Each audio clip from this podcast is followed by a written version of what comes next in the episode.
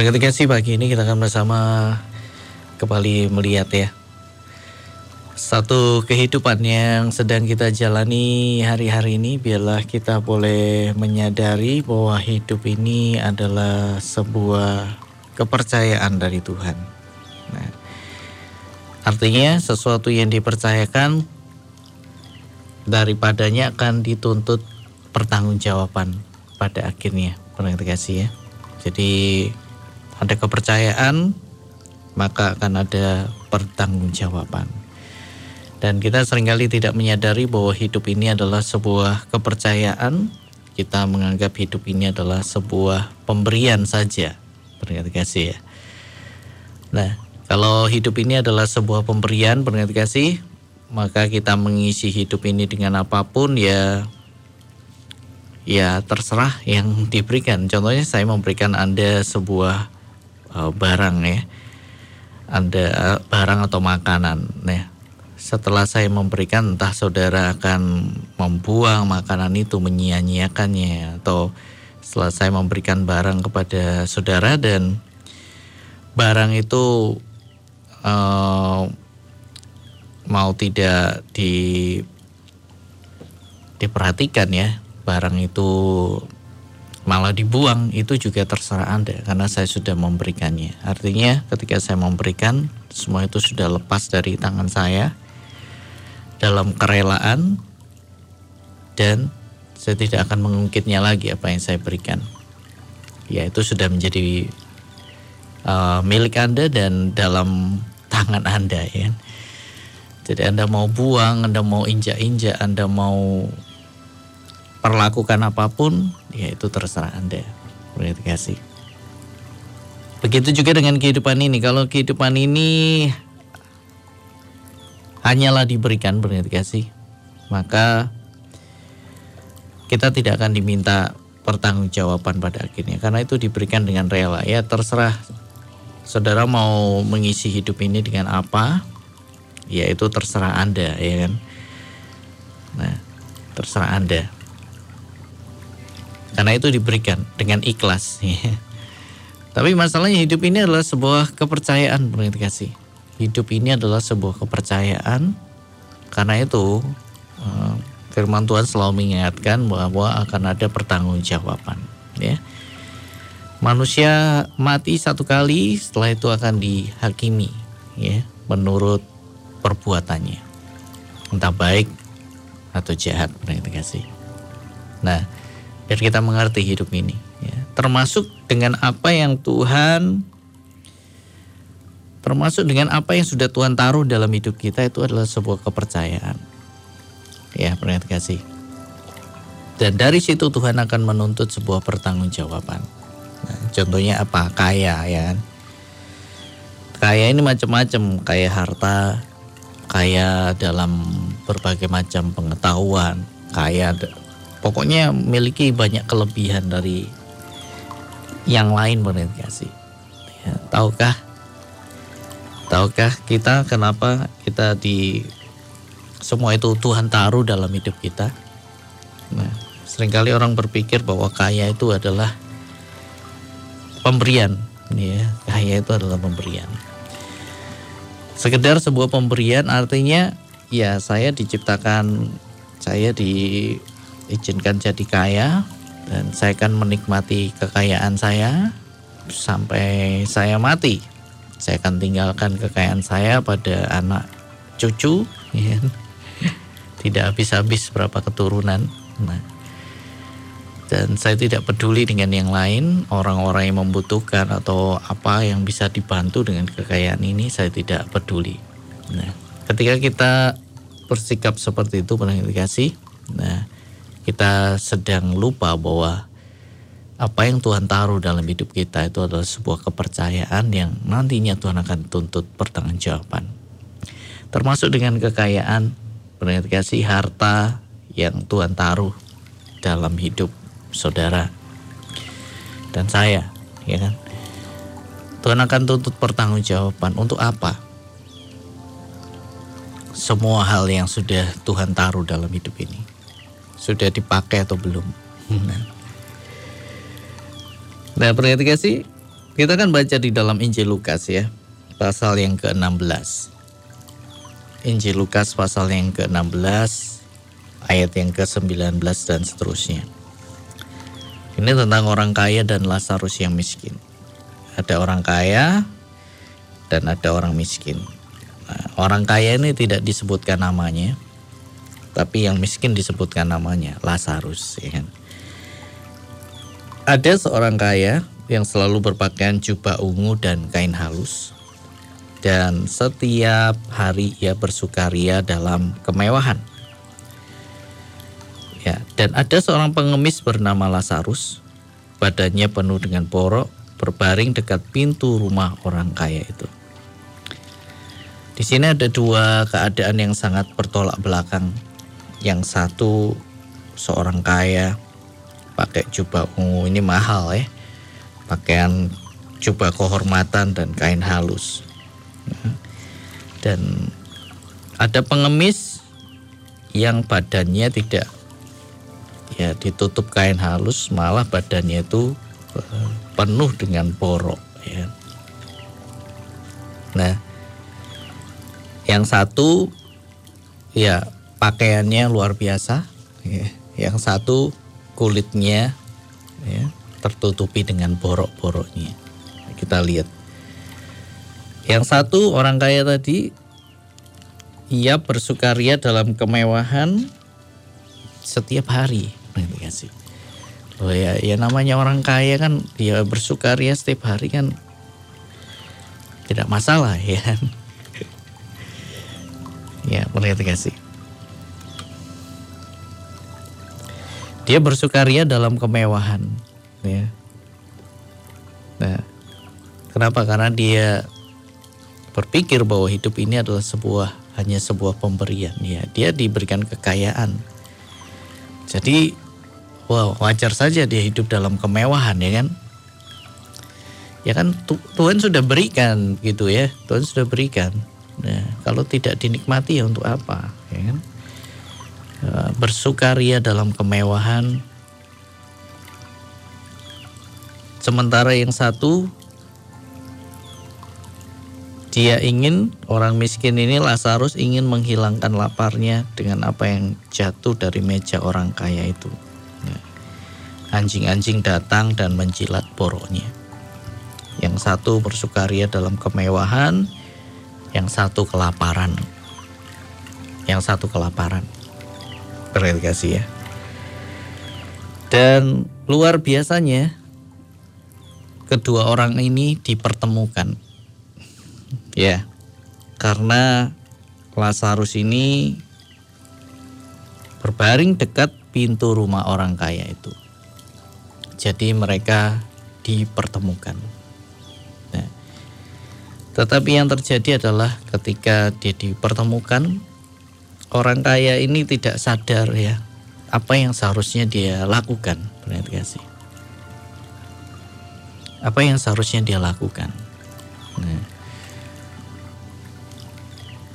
dia tidak menyadari bahwa apa yang ditaruh Tuhan dalam hidupnya adalah sebuah kepercayaan, ya, sebuah kepercayaan yang dia harus sebenarnya ketika melihat itu semestinya dia paham apa yang harus dilakukan. Benar kasih ya. Nah, orang kaya dan orang miskin bertemu ya untuk sebuah tujuan. Perhatikan kasih ya. Amsal 22 ayat yang kedua, orang kaya dan orang miskin bertemu, yang membuat mereka semua ialah Tuhan. Orang kaya dan orang miskin bertemu. Nah, di situlah kasih seharusnya kita mengerti apa yang harus dilakukan ya. Kalau Tuhan percayakan kekayaan, ya harta, dan sampai ketika kita menghadap Tuhan nanti ya ketika ditanya apa yang sudah kau lakukan ya dengan hartamu misalkan. Nah berarti sih?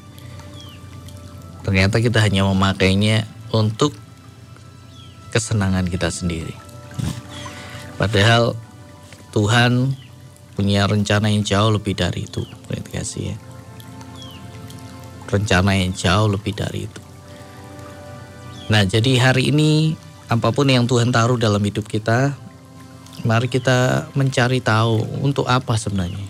Ya. Kan? Bukan untuk kita nikmati sendiri, tetapi untuk kita pakai menolong yang lain berarti kasih. Untuk sebuah rencana, sebuah tujuan. Nah, dan ada saatnya kita akan dipertemukan, ya, apa pun yang Tuhan taruh dalam hidup kita, ya, Tuhan itu ingin hasil. Ya. Dalam perumpamaan tentang talenta ketika ada seorang tuan yang mau berpergian, ya, dia percayakan talenta-talenta ya kepada hamba-hambanya. Kita bicara tentang uang, talenta-talenta itu dipercayakan dan kemudian tuan itu pergi. Nah, yang pertama diberi dia kembangkan talenta itu sehingga ketika tuannya kembali dia memberikan talentanya itu beserta dengan hasilnya. Berarti ya sih ya. Uh, yang satu lagi, yang kedua diberikan talenta dan dia lakukan hal yang sama juga dan berkembang talentanya dan dia berikan kepada tuannya yang sudah pulang, ya talenta dan hasilnya. Tapi hamba yang jahat, hamba yang terakhir, dia menyimpan talenta itu. Uh, talenta itu tidak hilang, tidak berkurang, tetap. Tapi Tuhan itu marah. Kenapa Tuhan itu marah? Ya, karena yang dipercayakan hanya tetap dan tidak berkembang benar kasih dan Tuhan itu berkata seharusnya kamu percayakan kepada yang lain ya intinya untuk dikembangkan sehingga aku terima hasilnya. Jadi Tuhan menghendaki hasil dari apa yang Tuhan percayakan dalam kehidupan saudara dan saya. ya karena itu Tuhan marah karena talenta itu tidak diberikan tapi dipercayakan dan ketika Tuhan mempercayakan Tuhan mau ada hasil dari apa yang Tuhan percayakan. Nah, misalkan Tuhan percayakan kekayaan yang sangat-sangat melimpah.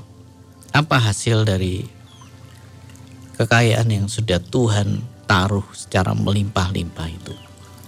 Apa? Kalau hanya kesenangan sendiri, bukan itu tujuan Tuhan. Nih kan? Kalau hanya untuk kepuasan diri, eh, kita menikmati dan kita berkeliling dunia ya. Setiap hari pindah ya. Dari satu kota ke kota keliling dunia. Bukan itu tujuan Tuhan tentunya. Terima kasih.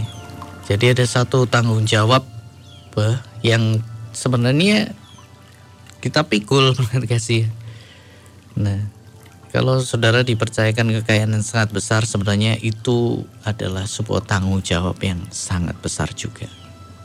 Seringkali kita tidak menyadarinya, ya. Seringkali kita berpikir itu hak saya, Tuhan berikan ya itu hak saya. Saya akan nikmati menurut cara saya. Saya akan nikmati sesuai dengan kemauan saya. Ya. Ya orang miskin ya urusannya mereka sendiri. Ya orang yang berkesusahan urusan mereka sendiri. Ya, yang penting saya senang. Sebenarnya ada tanggung jawab yang besar di balik apa yang Tuhan berikan secara uh, luar biasa. Benar kasih. Nah, apa yang terjadi kemudian ketika orang kaya dan Lazarus tadi mati, ya? Nah, orang miskin itu mati, orang kaya itu juga mati. Orang kaya atau miskin juga sama-sama mati pada akhirnya. Nah, ya, jadi sama-sama tidak bisa menggenggam apa pun, ya sama-sama tidak bisa bawa apa pun. Nah, dua-duanya mati pada akhirnya. Tetapi perbuatannya mengikutinya, ya kan? Banyak orang di akhir hidupnya akan menyesal bukan karena apa yang dilakukan, tapi karena apa yang tidak pernah dilakukan. Ya, di akhir nanti kita akan kalau kita tidak menyadari mulai sekarang ya, di akhir nanti bisa jadi kita dibuat menyesal bukan karena apa yang kita lakukan tapi karena apa yang tidak pernah kita lakukan. Ya. Orang kaya ini tidak dicatat sebagai orang yang jahat, melakukan kejahatan, ya. Tetapi yang dia sesali adalah apa yang tidak pernah dia lakukan, ya kan? Ya, orang kaya itu mati dikubur, orang miskin itu mati juga. Ya. Dan ternyata orang kaya tadi menderita sengsara di alam maut dia memandang ke atas dan dari jauh dilihatnya Abraham dan Lazarus duduk di pangkuannya. Kemudian dia berseru katanya, Bapak Abraham kasihanilah aku, suruhlah Lazarus supaya ia mencelupkan ujung jarinya ke dalam air dan menyejukkan lidahku sebab aku sangat kesakitan dalam nyala api ini. Tapi Abraham berkata, Anak ingatlah bahwa engkau telah menerima segala yang baik sewaktu hidupmu, sedangkan Lazarus segala yang buruk. Sekarang ia mendapat hiburan dan kau sangat menderita. Ya, ceritanya seperti itu. Nah, kemudian dia berkata, kalau begitu aku minta kepadamu Bapak supaya engkau menyuruh dia ke rumah ayahku, sebab masih ada lima orang saudaraku, supaya ia memperingati mereka dengan sungguh-sungguh agar mereka jangan masuk kelak ke dalam tempat penderitaan ini. Nah, masih ada lima orang saudaraku, ya, supaya diperingatkan. Nah, kalau kita menyadari di akhir, ke, kita akan menyesal ya, jangan sampai kita ini uh, tidak mengerti akan kehidupan ini. Mari kita perhatikan kehidupan ini baik-baik pendengar kasih supaya jangan ada penyesalan. Kalau penyesalan sudah di sudah mati ya sudah terlambat tidak ada yang bisa diperbaiki lagi pendengar kasih dan dia minta orang dia minta Lazarus supaya datang kepada lima orang saudaranya supaya diperingatkan dengan sungguh-sungguh permintaan orang kaya yang sudah mati ini supaya diperingatkan lima saudaranya supaya jangan kelak mereka masuk dalam tempat penderitaan ini. Diingatkan.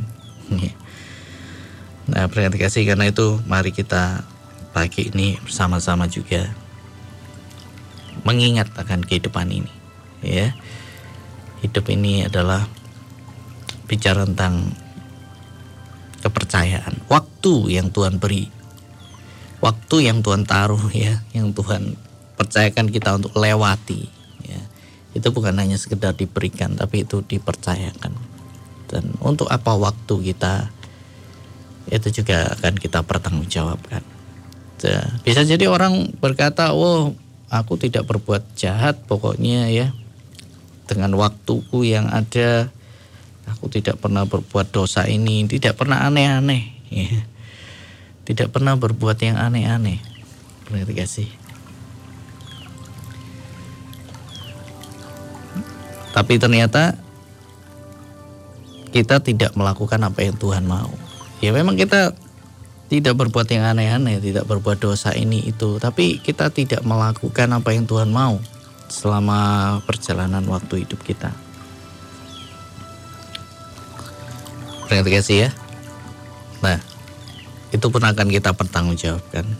Jadi misalkan kita ada di uh, rumah saja ya tidak ke mana-mana ya tidak ke mana-mana, tidak berbuat dosa, mengurung diri di rumah pokoknya, ya.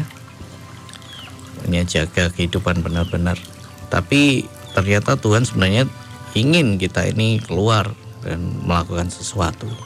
Nah, kita pun akan mempertanggungjawabkan waktu yang Tuhan taruh, yang Tuhan izinkan kita lewati waktu-waktu ini. Semuanya akan kita pertanggungjawabkan, termasuk talenta, uang, termasuk juga dengan semua karunia yang Tuhan percayakan.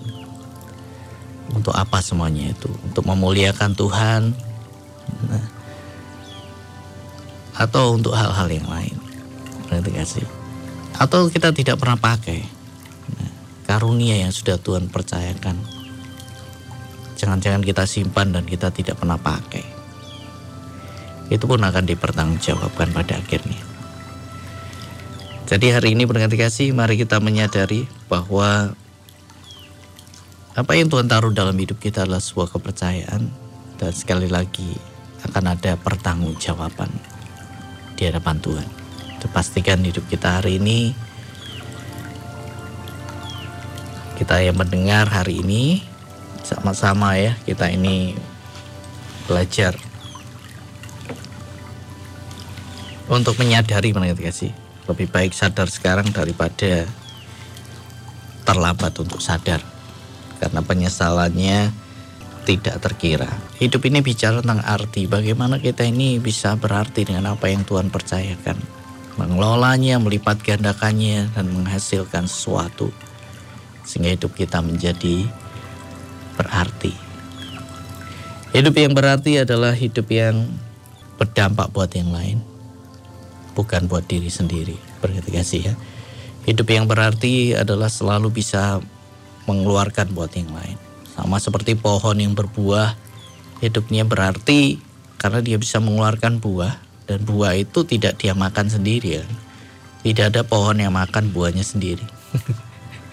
buah itu dikeluarkan untuk dinikmati yang lain. Hidup untuk diri sendiri, ya. Bukan itu tujuan Tuhan. Ya, Tuhan mempercayakan kita untuk menghasilkan sesuatu yang bisa dinikmati yang lain. Hidup bicara tentang sebuah arti.